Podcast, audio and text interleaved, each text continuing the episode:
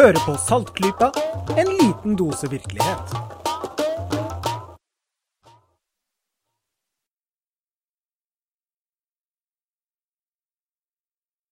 Hallo, hallo, alle sammen. Dette her er Saltklypa. Eh, Vi er kommet til episode nummer 139. Det begynner å bli en, eh, en fin bunke, det, nå.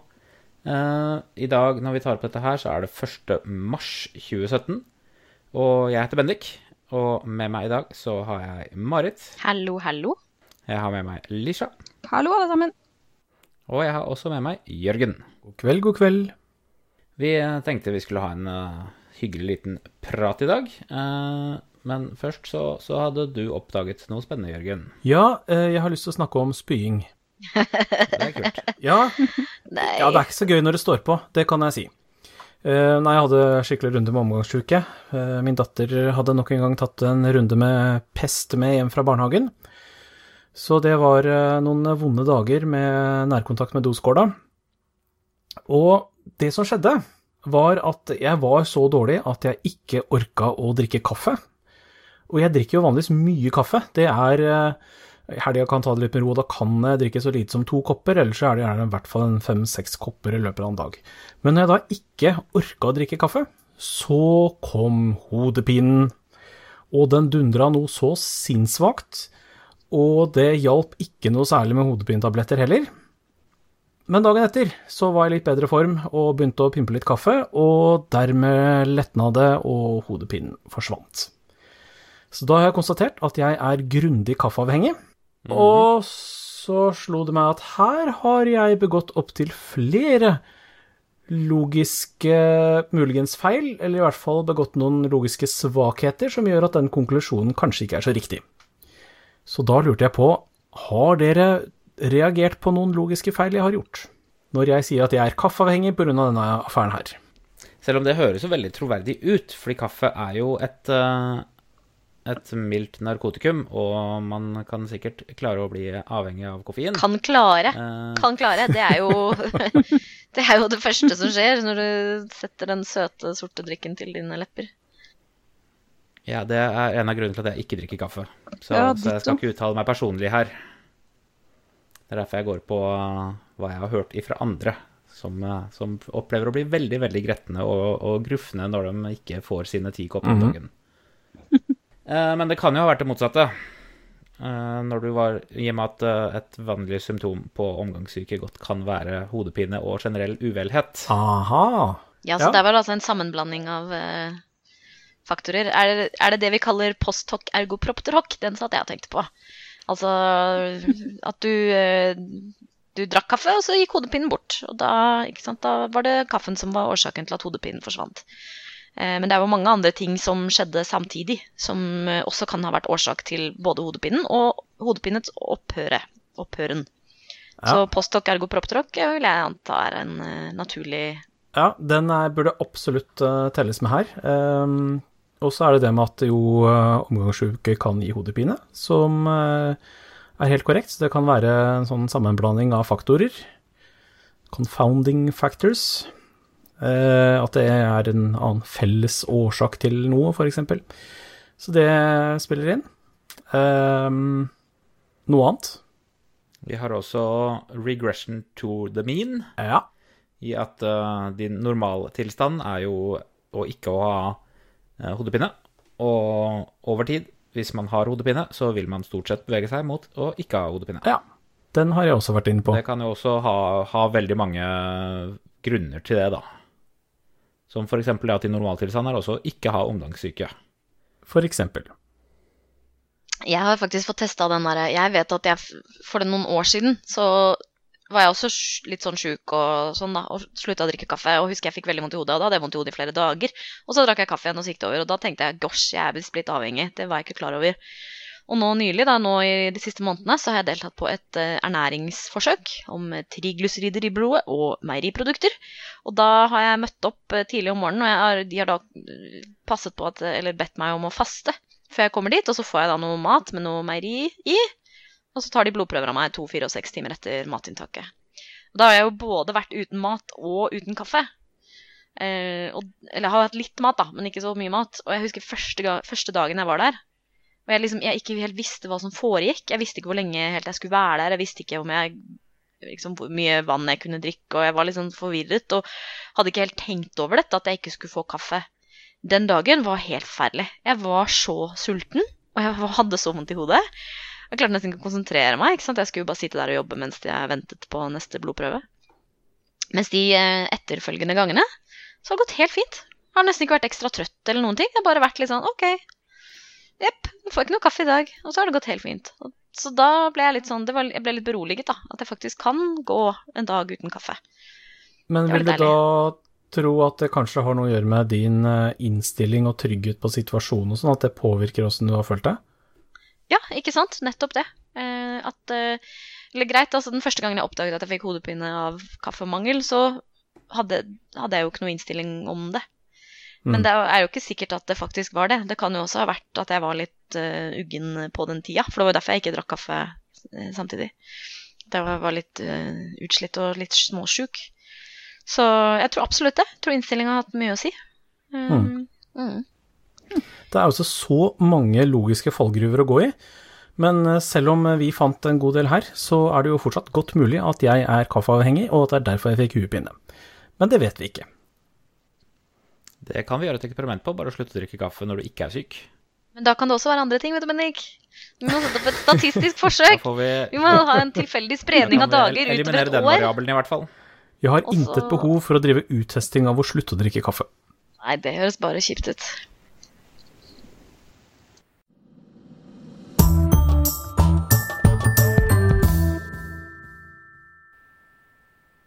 Anyway. Eh, for en, eh, for en stund siden så fikk vi et eh, brev fra Aurora, som stilte et veldig interessant spørsmål til oss. Hun begynner å skrive Kanskje dere kan prate om sammenhenger mellom skepsisisme og etikk? Det er vel ikke en sammenheng for alle, men hennes inntrykk er at det er en del sammenfall mellom skeptikere, diverse veganere, utilitarister og effektive altruister at en del folk plasserer seg innenfor flere av disse kategoriene, og kanskje kommer noe i forlengelsen av de andre. Og dette her er vel faktisk Jeg kan begynne her og si at dette her er noe jeg har lagt merke til uh, de, når jeg har vært på skeptikertreff på puben. Og, men jeg kan ikke være sikker på årsakssammenhengen her.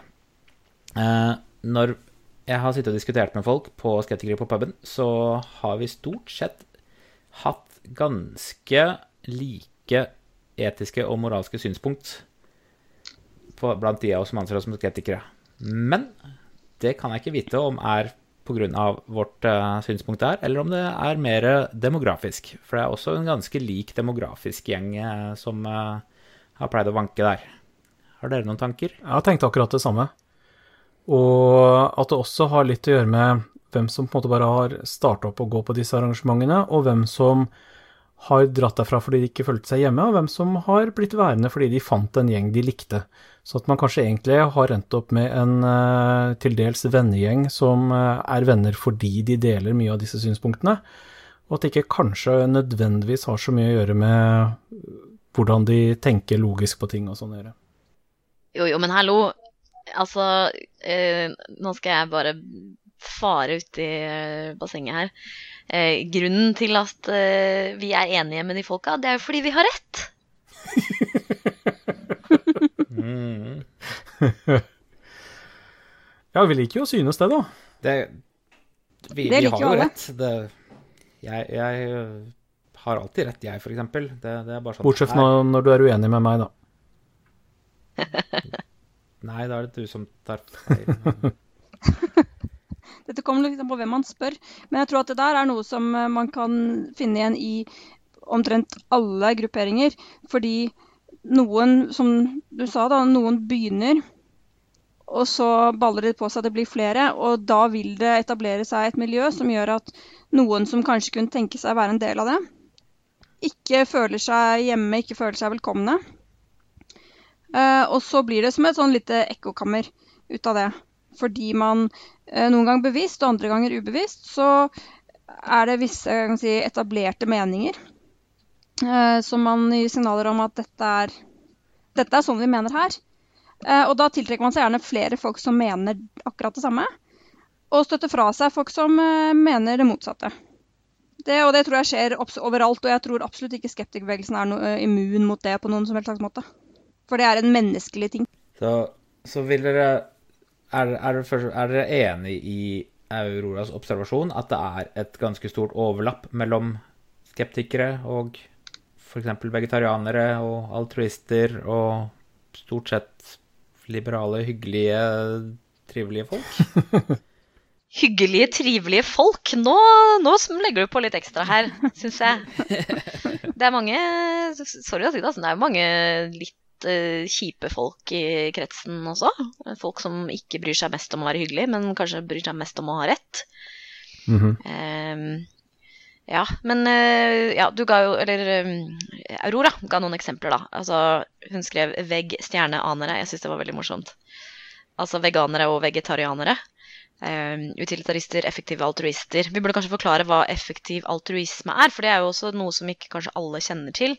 Men det er jo da de som uh, mener at når man bedriver veldedighet eller gode tiltak, så burde man gjøre det med samme type prinsipper, uh, altså rasjonalitet, effektivitet, som vi bruker i, i andre samfunnsområder.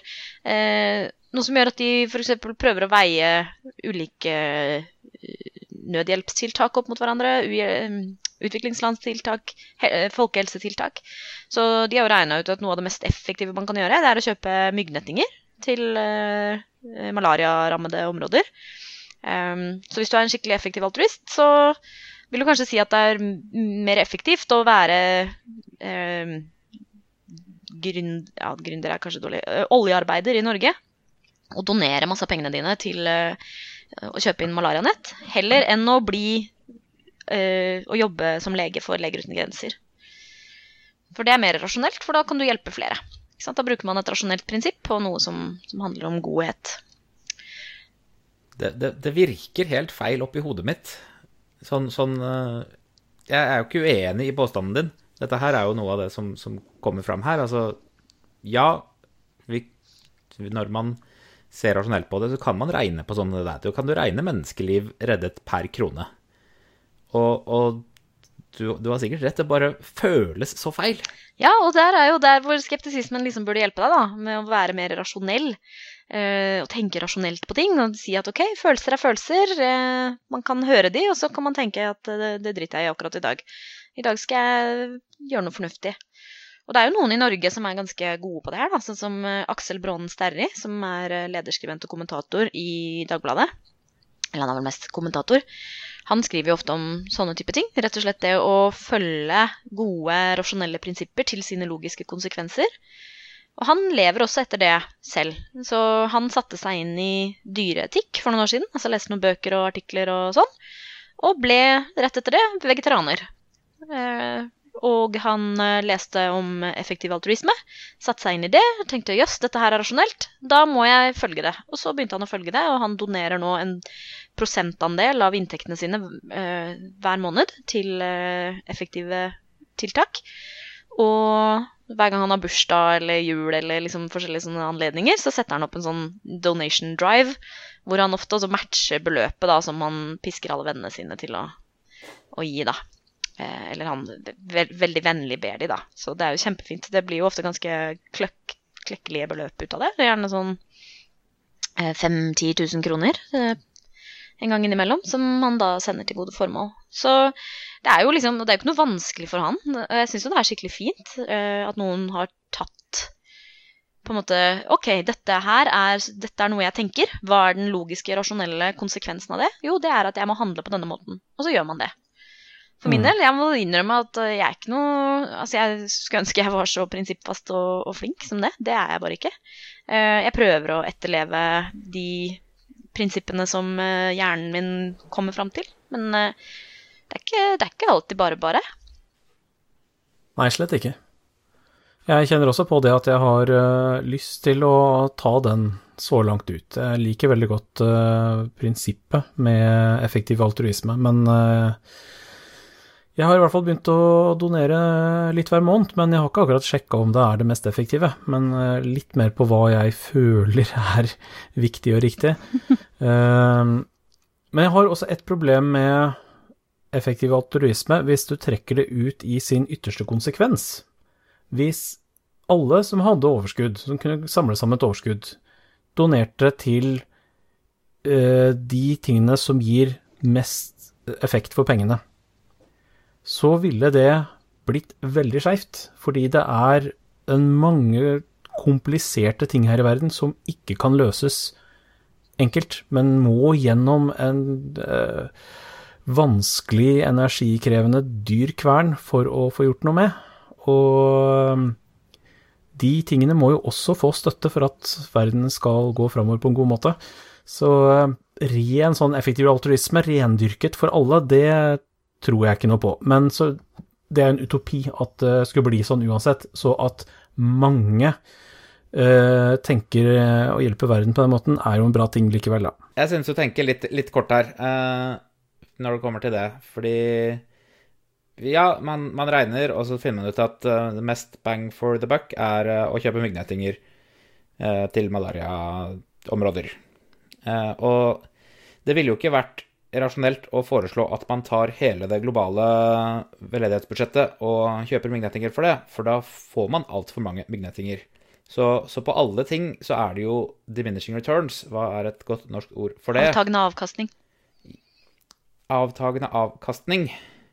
Eh, sånn at straks man, straks man har fått dekket myggnettingbehovet sitt, så bli, vil jo noe annet bli eh, det mest, eh, mest verdi vinnende å, å løse? Det er veldig sjelden at et problem har én løsning. I hvert fall hvis det er mer enn uh, litt komplisert. da.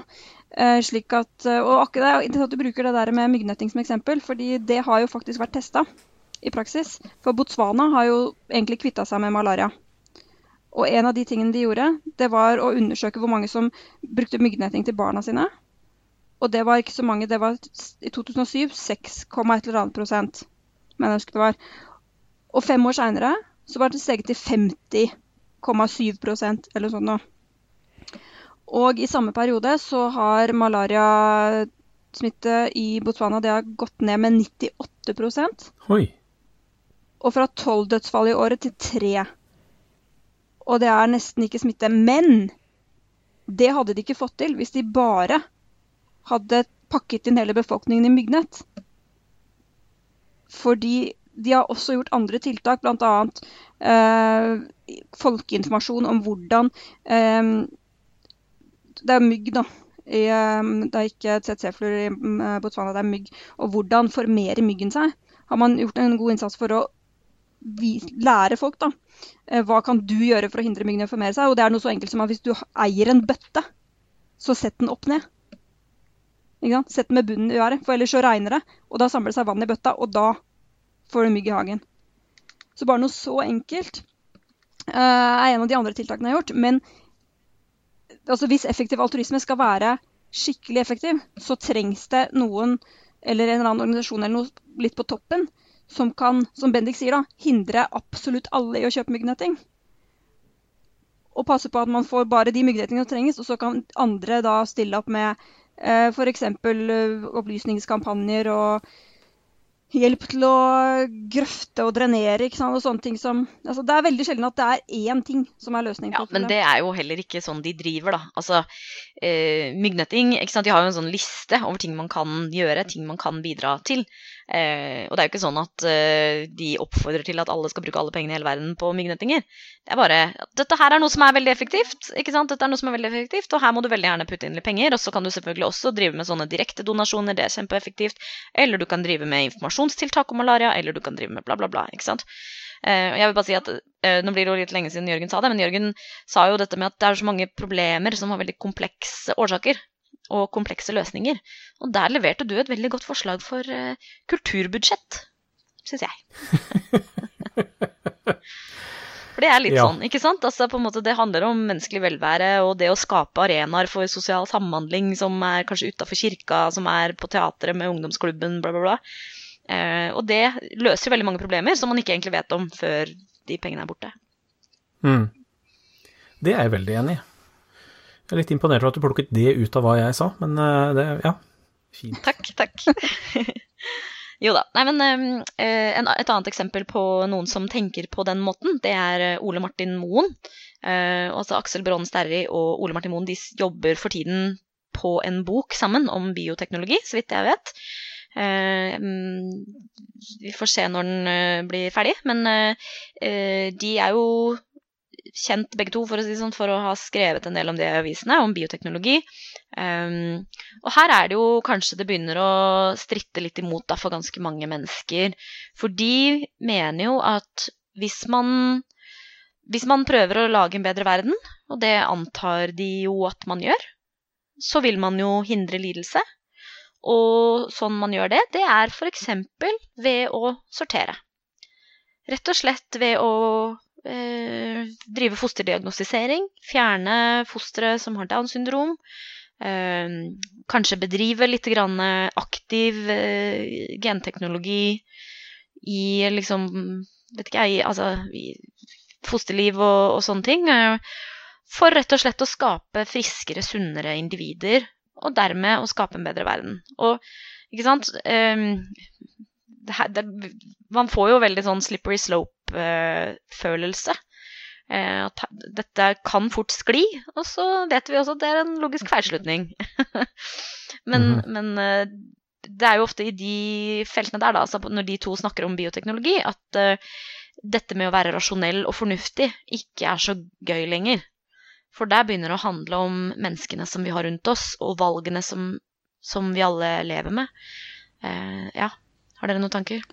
Ja, eh, han, Aksel fikk jo veldig mye pepper i 2014, har jeg følelsen det var, når han skrev denne kronikken eller hva det var, om at Det var vel om han ga et intervju, jeg husker ikke, men i hvert fall det var i denne kristne avisen Dagen, tror jeg. I hvert fall en kristen publikasjon, hvor han snakket veldig for fosterdiagnostikk og mente at vi burde sortere ut eh, Det var Downs syndrom, da, eh, som han snakket om. Og det er jo mediene nå senest på Dagsrevyen i dag. Så var det jo diskusjon med den nye blodprøven. Som gjør at man kan diagnostisere på en mye tryggere måte enn før. Og få ned risken for spontanabort ved den, den gamle diagnoseformen. da. Det var vel fostervannsprøve, tror jeg. Um, da fikk han jo veldig mye pepper, for da kom jo KrF og Marte Goksøyr. Andre av den, ja, ikke sant, og menet at han han ville sortere dem ut, da, for å si det sånn. Men jeg, jeg, jeg, både, jeg kan være uenig med han i andre saker, men jeg er godt enig med han i den saken der at hvis det var slik at Downs syndrom ikke fantes, men det var en pille som gravide kvinner kunne ta, som ville gi barnet deres Downs syndrom, så ville man jo ikke komme på at det var en god idé at hver tusende gravide kvinne skulle ta den pillen for å produsere et Downs-barn for å liksom berike samfunnet vårt. Mm. Ikke sant? Eh, det er veldig vanskelig å argumentere mot. At hvis det ikke fantes, så ville vi ønske å frembringe det. Mm. Ja, jeg syns at i sånne spørsmål som det her, så er det vanskelig å, å forholde seg ordentlig rasjonelt, da. Fordi at uh, ja, min lille kjepphest har jo blitt at vi mennesker, vi er ikke rasjonelle. Og vi kan tilstrebe å være rasjonelle, men vi er ikke det. Så vi kan være rasjonelle der vi kan, og noen ganger så må vi bare akseptere at dette går ikke, liksom. Det er for mye for de stakkars små hjernene våre å fornekte et følelsesliv, ikke sant. Um, det, er kanskje, det er sikkert en promille av befolkningen eller noe som klarer det. Men jeg tror det er veldig mange av oss som ikke klarer å leve med oss sjøl hvis vi bare tenker perfekt rasjonelt hele tiden. Jeg, jeg er i hvert fall blitt litt mer følelsesmenneske de siste fem åra. Jo, men jeg syns det er viktig å, å, kjenne på de følelsene og så vite at de er der, og være obs på at de er der. For hvis du ikke er obs på det, så kan du tro at du tenker rasjonelt når du ikke gjør det. Det er greit å vite når du ikke er helt rasjonell. Absolutt. Um, så, dette her med fosterdiagnostikk og sånn, det har jeg eh, krangla mye med folk uh, på nettet om. Og jeg er også den sorten som mener at det nok er av det positive å sortere ut Eh, individer før de har blitt individer, mens de fortsatt bare er en celleklump. Som du vet vil ta masse, masse ressurser fra familie og samfunn. Men det er en diskusjon som er nesten umulig å ta på en god måte i en åpen debatt der alle er velkomne. For det er så vanvittig mye følelser på det ute og går at eh, de debattene bare sporer av med en gang, og det er kjempevanskelig. Så det er noe av det problemet jeg ser med å være i miljøer som er eh, opptatt av vitenskap og rasjonell tenkning og sånn, er at vi blir en boble som klarer å tenke på disse tingene på en eh, litt sånn kald og kjølig måte å vurdere fakta. Og så føler man seg veldig trygg på denne konklusjonen, og så møter man vanlige folk, og så får man rett i fleisen og innser kanskje at uh, ja, det er kanskje en god idé, men uh, vi får aldri gjennomført det. Jeg syns jo det er noe her, og at det er noen ganger i diskusjoner med skeptikerfolk, eller folk som mener de er veldig rasjonelle, eller sånn, da, så, så blir de ofte også mer opptatt av å ha rett enn det å skape en bedre verden. Og det er jo greit, det. Det er lov å være opptatt av å være rasjonell overalt. Men eh, bare sånn i, i lys av dagens spørsmål, da, hvor liksom etikken er eh, med her Det er jo mange skeptikere som ser seg selv som etiske vesener. Og jeg lurer litt på det er, liksom, er det greit for skeptikere da, å, å, å ljuge eller fornekte fakta hvis det gjør verden litt bedre? Eller i hvert fall kanskje å minimere dem? Um, jeg tror jeg må komme med noen eksempler før jeg henger helt med. Ja, um, ja, det må nesten bli litt sånn hypotetisk, da. Men um, Kanskje noe om uh, innvandring, hvis uh, Hvis det er slik at uh, terrorismefaren øker betraktelig hvis det kommer flere muslimer til landet. Men ikke eller da er det jo en avveining, da, hvor man syns grensen går for økt terrorismefare versus å opprettholde asylinstitusjonene. Eh, men, men, ja, de, de, jeg tenker på den typen fakta, da. Hvis, hvis det er noe fakta der. Eh, er det viktigere å formidle de eh, som kanskje da er polariserende fakta, stigmatiserende fakta? Eller er det viktigere å vinkle dette på en måte som gjør at det er konstruktivt eh, for eh, landet vårt og fremtida. Nå er jeg satt foten i vepsebordet. Mm, allerede der, når du, når, du, når du, bruker ordet som vinkling, så, så legger jo det da med at du ikke prater helt rasjonelt ekte, liksom. Eller da hvis, hvis vi alle hadde vært rasjonelle på dette her, så hadde du ikke behøvd vinkling, for da hadde det bare vært faktaene. Vink, du, du, har jo, du har jo tre typer løgner. Du har løgner, forbanna løgner og statistikk, liksom. Og, og, måten, siden du da sier måten du kan vinkle dette her på, så, så vil jo det si at når man vinkler noe, så, så, enten så legger du det frem sammen med noe annen data, eller uten noen annen data, som, som kan forandre på konklusjonen. Men altså vinkle, det kan jo også noe å gjøre med hvordan man presenterer fakta, da. Ikke sant? Hvilke ord du velger. For eksempel. Ja. Det kan man ikke unngå. For en, for en helt rasjonell person så burde ikke det ha noe å si. Nei, men som Marit sier, så er vi ikke helt rasjonelle. Og det er nok lurt å ta med i betraktningen. Um, jeg tenker jo sånn at noen ganger så er det nødvendig å kanskje ikke lyve rett ut, men en hvit løgn, da, for å si det sånn. For å ha et litt mindre kontroversielt emne enn det du valgte, Marit. Eh, en venninne av meg hun spurte meg en gang om ikke jeg syntes det ville være en god idé om hun eh, skinna seg helt. Så barberte av seg håret. Og det ville vært en forferdelig idé, for hun er ganske storvokst og har eh, etter forholdene et ganske lite hode. Og det ville jo nødvendigvis se enda mindre ut uten hår. Og dette ville åpenbart være ekstremt ukledelig. Men det ville jo ikke være veldig diplomatisk å si. Det ville se helt for jævlig ut. Så det er en helt tomsitt idé. Men det jeg sa, var at uh, det bør du sikkert sove på og tenke litt mer på. Og hun veldig, så på veldig... det og fant ut at uh, det var nok ikke smart. Ikke? Du kan si det, du kan på en måte hjelpe folk til å komme til den konklusjonen du trekker på et brøkdel av et sekund, men som ville være sårende for den personen. Hvis du bare sa det rett ut. Så Hvite løgner, det syns jeg er uh, moralsk helt akseptabelt i la oss si, det godes tjeneste. Men, ja, men hva som er det, gode, å... det er selvfølgelig vanskelig å definere. Ja, ikke sant. Hva som er det godes tjeneste, er vanskelig å definere. Uh, for der har vi jo ulike verdier og ulike fortellinger som vi forteller oss og sjøl og hverandre. Jeg kan, jeg kan, prøve å være litt mer spesifikk da med eksempelet mitt. Altså, um, alle har vel, eller De fleste har vel fått med seg at Gunnar Tjomlid har skrevet en del om uh, politistatistikk, voldtektsstatistikk, på sin blogg. Uh, og hvis det nå er altså det, han, Hans poeng er jo at det er veldig vanskelig å vite hva Basert på politiets statistikk så kan vi ikke si så veldig mye om de overfallsvoldtektene, og hvilken andel av de som er har si, fremmedkulturelt opphav, eller noe sånt noe. Hvis jeg husker riktig, så er det det som er tesen der, da. At eh, det er ikke Eller man, man, har alltid Man får veldig inntrykk av at det bare er innvandrere som gjør det, men det er slett ikke sikkert. Eh, men hvis det nå viser seg at det er fakta,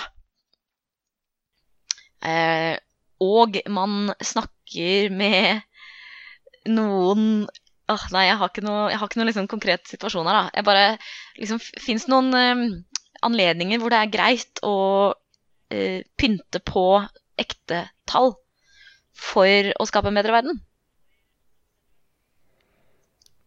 Jeg vil jo si at hvis du må pynte på dem, så, så skaper du ikke faktisk en bedre verden ved å gjøre det. La, la, oss ta, la, oss, la, oss nå ta, der hvor jeg tror du kanskje var på vei her. Eh, vi har en kjempe flyktningkrise fra Syria. Fakta. Sånn, sånn mer eller mindre. Eh, fakta. Og... Sånn mer eller mindre. Ja. Ja, OK. ja, eh, fakta. Hvis vi sier at det er eh, fakta i dette eksempelet, da. Ja, vi sier at dette er fakta for dette eksempelet.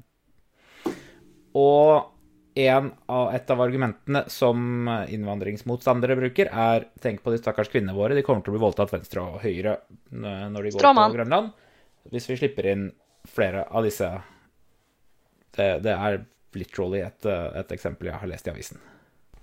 Og så kommer du og, og gjør litt matte på dette her, og, og regner, og ser at de har bitte lite grann rett i at uh, statistikken øker lite grann, så da velger du å pynte på den, slik at den ser ut til at den går nedover i stedet. Er det det som er, uh, er hvor du skulle hen? Nei, ikke pynte på den, men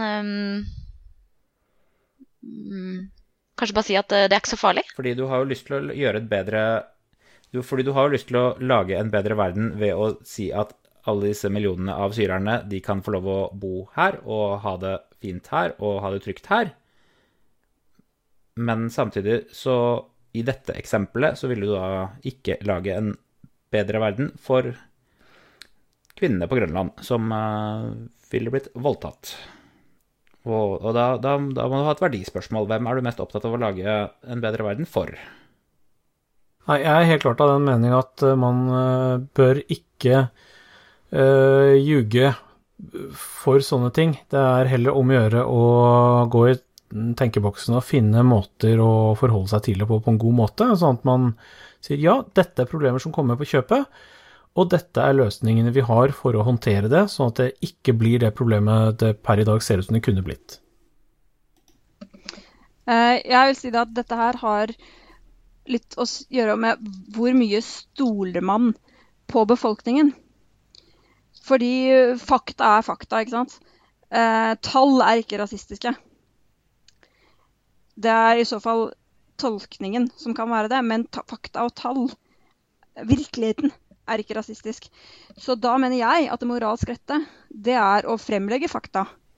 Og stole på at folk eh, har vett nok til å Til å tåle, da. Uh, og se virkeligheten sånn som det er, og få vite hva fakta er. Uh, og dette har jo faktisk også vært testa ut. I likhet med myggnettingene i Botswana, så har man jo Sverige, hvor myndighetene ikke stoler på at befolkningen tåler å vite noe som helst, og gjør alt de kan for å, at de ikke skal få fakta. Og det går jo ikke så jævlig bra så langt, og det kommer nok til å gå mye dårligere. Um, om ikke så lenge. Så jeg mener at stoler man på befolkningen, så legger man frem fakta. Og hvis man ikke stoler på befolkningen, da har man jo et veldig mye større problem enn hva nå de faktaene viser. Ja, jeg er enig. Det er Du kan stole på at befolkningen du skal styre, tåler å se virkeligheten. Ja, og det er liksom til og med hvis det viser seg at befolkningen ikke tåler det, så legitimerer faktisk ikke det løgner fra statlig hold, fordi da mister man jo all grunnleggende tillit. Og da, Ja, da er det 1984 og Brave New World eh, til sammen, altså. At det, Ja, da, da blir det som i Sovjetunionen, da, hvor man regnet med at hvis man leste det i Pravda, så var det ikke sant. mm, Og da har du jo et problem igjen, hvis det da er noe viktig som skal formidles, og man har en stor avis som er landsdekkende, som alle leser, hvis alle tar for gitt at alt som står i den er løgn, så er jo ikke den lenger et verktøy man kan bruke til å få formidlet dette til befolkningen. Det er ikke lett å holde tunga rett i munnen her, altså. Jeg- det, Det slår meg jo at uh, vanskelighetene jeg har med å formulere hele setninger og sånn, det, uh, det gjenspeiles jo kanskje litt grann inne på den store norske Facebook-gruppa Skeptikergruppen, hvor det diskuteres mye fakta. Uh, men hvor da, så fort det kommer inn på politikk og sånn, så er moderatorene strenge. For det blir ofte litt sånn skittent. Har dere noe erfaring derfra? Jeg har ingen erfaring fra Facebook, og det er jeg glad for å melde. Nei, jeg har eh, ikke hatt tid til å følge med noe særlig på den gruppa i siste, men jeg har uh, merket meg noe som når jeg kommer inn på det med politikk, da, så har jeg merket meg noe litt artig med de som kaller seg skeptikere og melder seg inn i foreningen Skepsis og sånn, og det er at i hvert fall på skeptikere på puben så ser det ut til at majoriteten, det er mulig jeg har et skjevt bilde av, men jeg har inntrykk av at majoriteten er uh, venstrevridd, og ja, i den retningen. Eh, mens da jeg først ble med i Skepsis for mange år siden, så var den store informasjonskanalen det var en e-postliste. Og der ble det på et tidspunkt påstått at eh, jo, vi som er rasjonelle, vi er på høyresida. Nå ble det jo riktignok en del protester på det, men eh, det var helt klart et bilde som mange på den lista hadde, var at eh, det er høyresida som er rasjonell, og venstresida som driver med sånn der føleri og alternativisme og sånt noe. Eh, mens nå har jeg inntrykk av at det har gått i motsatt retning. Fra min synsvinkel, jeg må presisere det. Ja, vi har jo ikke, faktisk ikke noe data på Nei, det i det hele tatt. Det, Det finnes noe amerikansk forskning eh, på det der som er litt interessant. Eh, der er det jo betydelig mer polarisert enn hos oss. Og det skyldes nok at de har bare to partier. Og da blir det jo til at du liksom hører til den ene eller den andre leiren.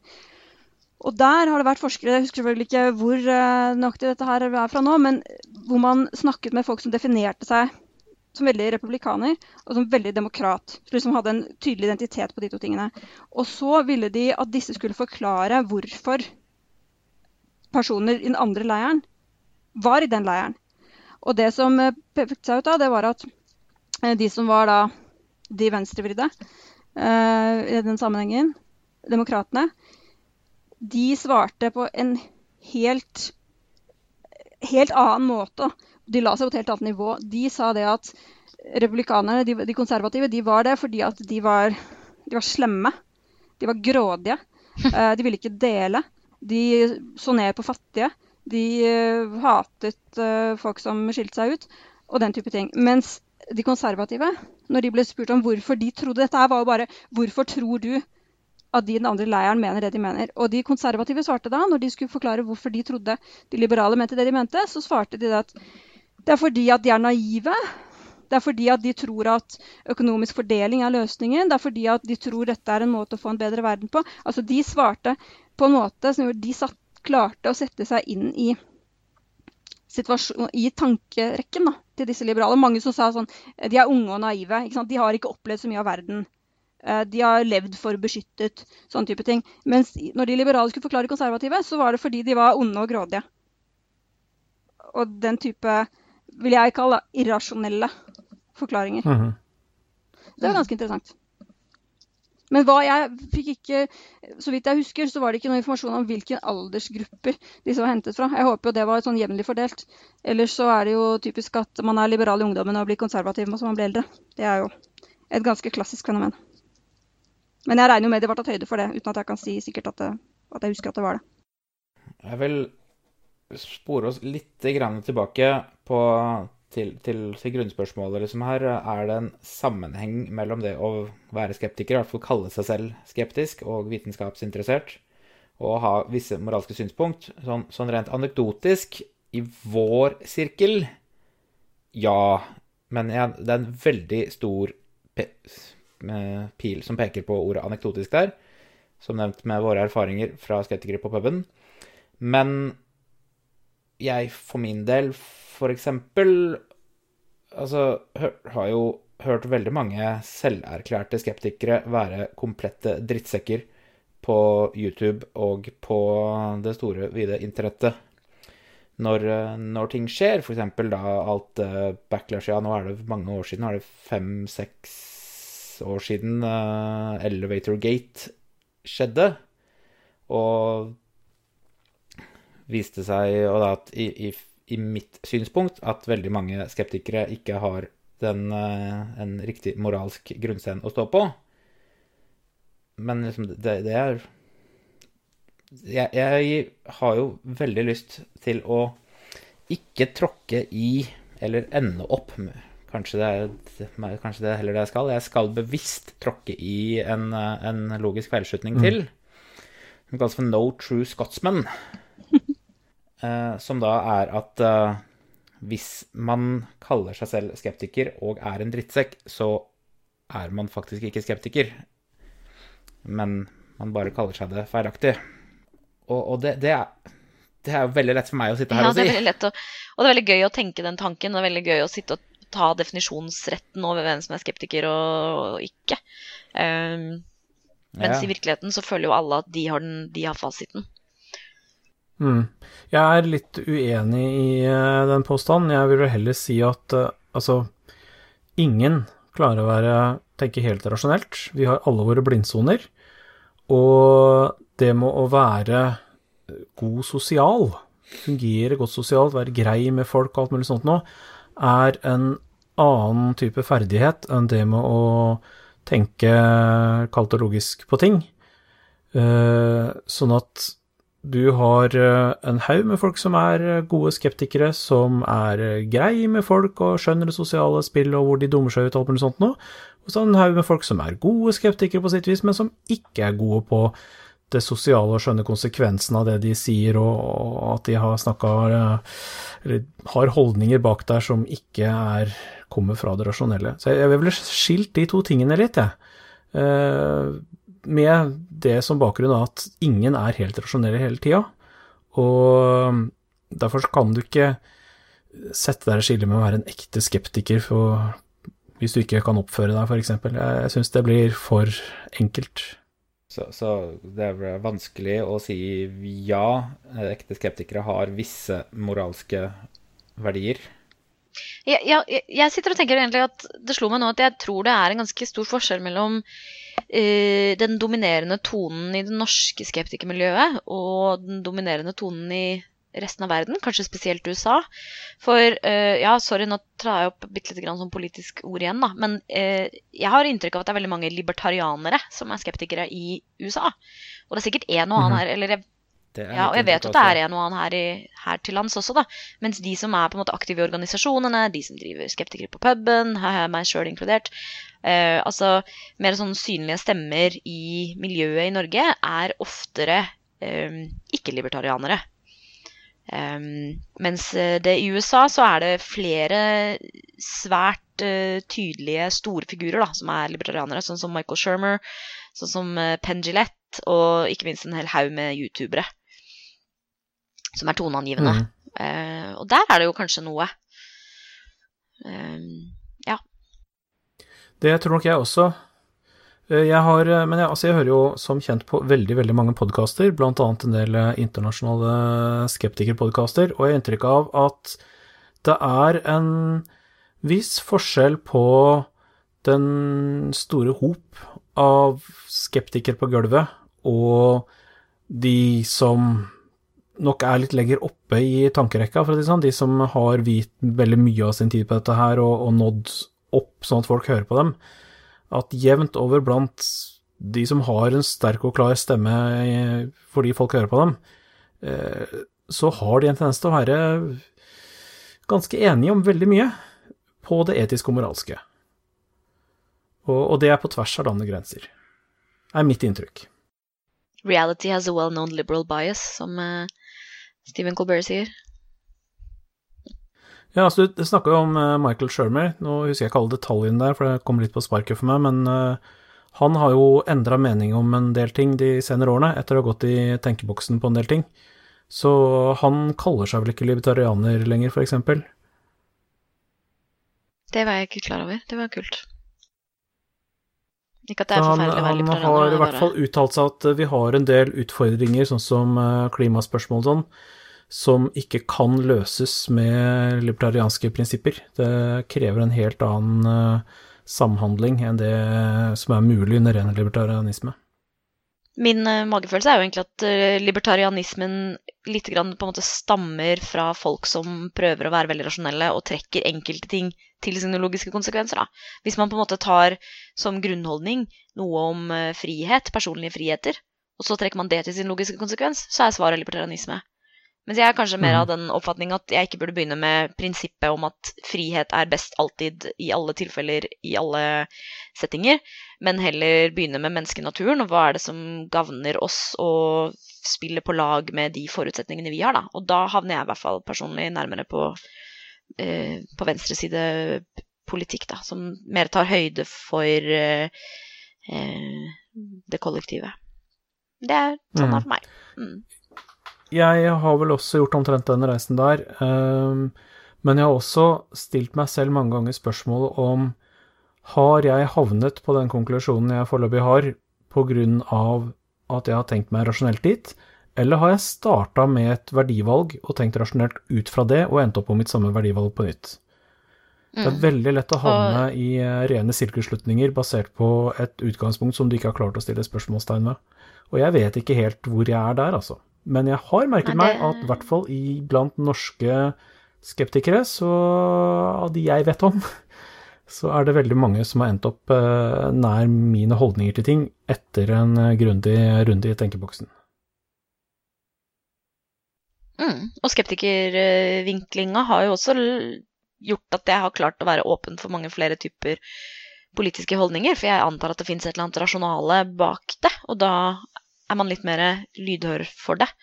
Eh, og jeg har nok endra mening om et par ting, eller hva, som, hva jeg vil anse som effektive og gode tiltak i samfunnet, Mm. basert på det. Men det var Ja, ikke akkurat absolutt. etikkspørsmål. Jeg, ja, vi har alle oss ganske inne i politikken her, altså, men eh, det, det føltes eh, tett på. Så, så jeg tror vi kan prøve å konkludere til spørsmålet I hvert fall grunn, grunnspørsmålet er det noen sammenheng med veldig svak anekdotisk ja. Eller altså, Jeg det er jo en til å ta igjen et eksempel på noe som jeg opplever at har vært viktig for meg og for veldig mange. Eh, og det er eh, forholdet til folk med, la oss forenkle det skyld kalle det seksuelle avvik, altså LHBTQ Jeg blir alltid sur av den forkortelsen der. Men eh, altså homofile, lesbiske, bifile eh, og alt mulig rart, fili eh, og transkjønnethet og alt mulig rart. Der har i hvert fall jeg gått veldig i tenkeboksen og måttet sjekke, eller jeg har blitt utsatt for mye kunnskap som har gjort at jeg har måttet ta nye valg. Eh, altså forholde meg til det ordentlig. Og det har gjort at jeg har ledet igjen til en veldig sterk etisk holdning til eh, problematikken rundt disse tingene. Eh, rett og slett fordi jeg har blitt utsatt for eh, problemstillingene og måttet forholde meg til dem. Eh, og jeg, er jo da veldig liberal på det punktet. Jeg mener jo at kjærligheten skal være fri. Det er ingen grunn til å diskriminere noen, og for transpersoner er det veldig viktig å få lagt en del ting til rette, og, vi må jobbe med å påvirke samfunnet sånn at folk aksepterer det, osv., osv., osv. Og det føler jeg er noe som er eh, veldig allment akseptert i eh, skeptikermiljøet, av eh, litt samme årsaker som jeg har kommet til, at man har sett på data og kommet til at ja, sånn må det være. Det er et godt eksempel. Ehm, tilbake til eller det som Bendik spurte om, da, eh, om det finnes en sammenheng. Og jeg er helt klart av den oppfatning at det er det, men det som kanskje er litt vanskelig, og det som gjør at dette her kan bli litt rotete og kronglete og snakke om at folk også kan havne på ulike eh, eh, konklusjoner, det er jo at vi har ulike utgangspunkter. Vi har ulike ting vi verdsetter eh, som et utgangspunkt som vi deretter begynner å tenke rasjonelt ut fra. Og når man har på en måte ulike startpunkter og ulike verdier om hva som er styrende for den rasjonelle tankeprosessen For den rasjonelle tankeprosessen handler jo bare om avveininger. Den handler om, øh, ja, den handler om å følge logiske tankerekker. Men hvis man begynner på ulike steder eller vekter ting ulikt underveis fordi at man har ulike grunnverdier, så kommer man også til ulike slutninger. Så Men altså ja, man kan jo ikke gjøre mer enn å be folk om å Eller å prøve i hvert fall sjøl, å være åpen for data. Være åpen for fakta. Eh, virkelig tilstrebe å være åpen om sine utgangspunkter. Da. Sine verdivalg. Så får vi heller eh, endre mening, da. Det er jo gøy å gjøre. Litt vondt og litt gøy. Ja, det er blitt en rotete diskusjon, men, eh, men den er veldig interessant. Jeg tror vi prøver å, å avslutte den der, ja, før vi eh, spinner av gårde på en, eh, en, ny tangent her. Ja, Vi kan si det sånn at uh, dette her vil vise for leserne våre, at vi, leserne, lytterne våre, at vi sitter ikke med noe manus. det burde denne episoden i hvert fall bevise. Det tror jeg vi har etablert i, i, i, i 100 og noen episoder allerede. Så det tror jeg, jeg ikke burde være noe problem. Dette er da det slutgiltige beviset. Hvordan man nå sier det på norsk. Det endelige beviset. Det ville være uetisk å ta for mye tid fra våre lyttere mens de hører oss bare eh, gå tom for ideer og bare snakke litt her og litt der.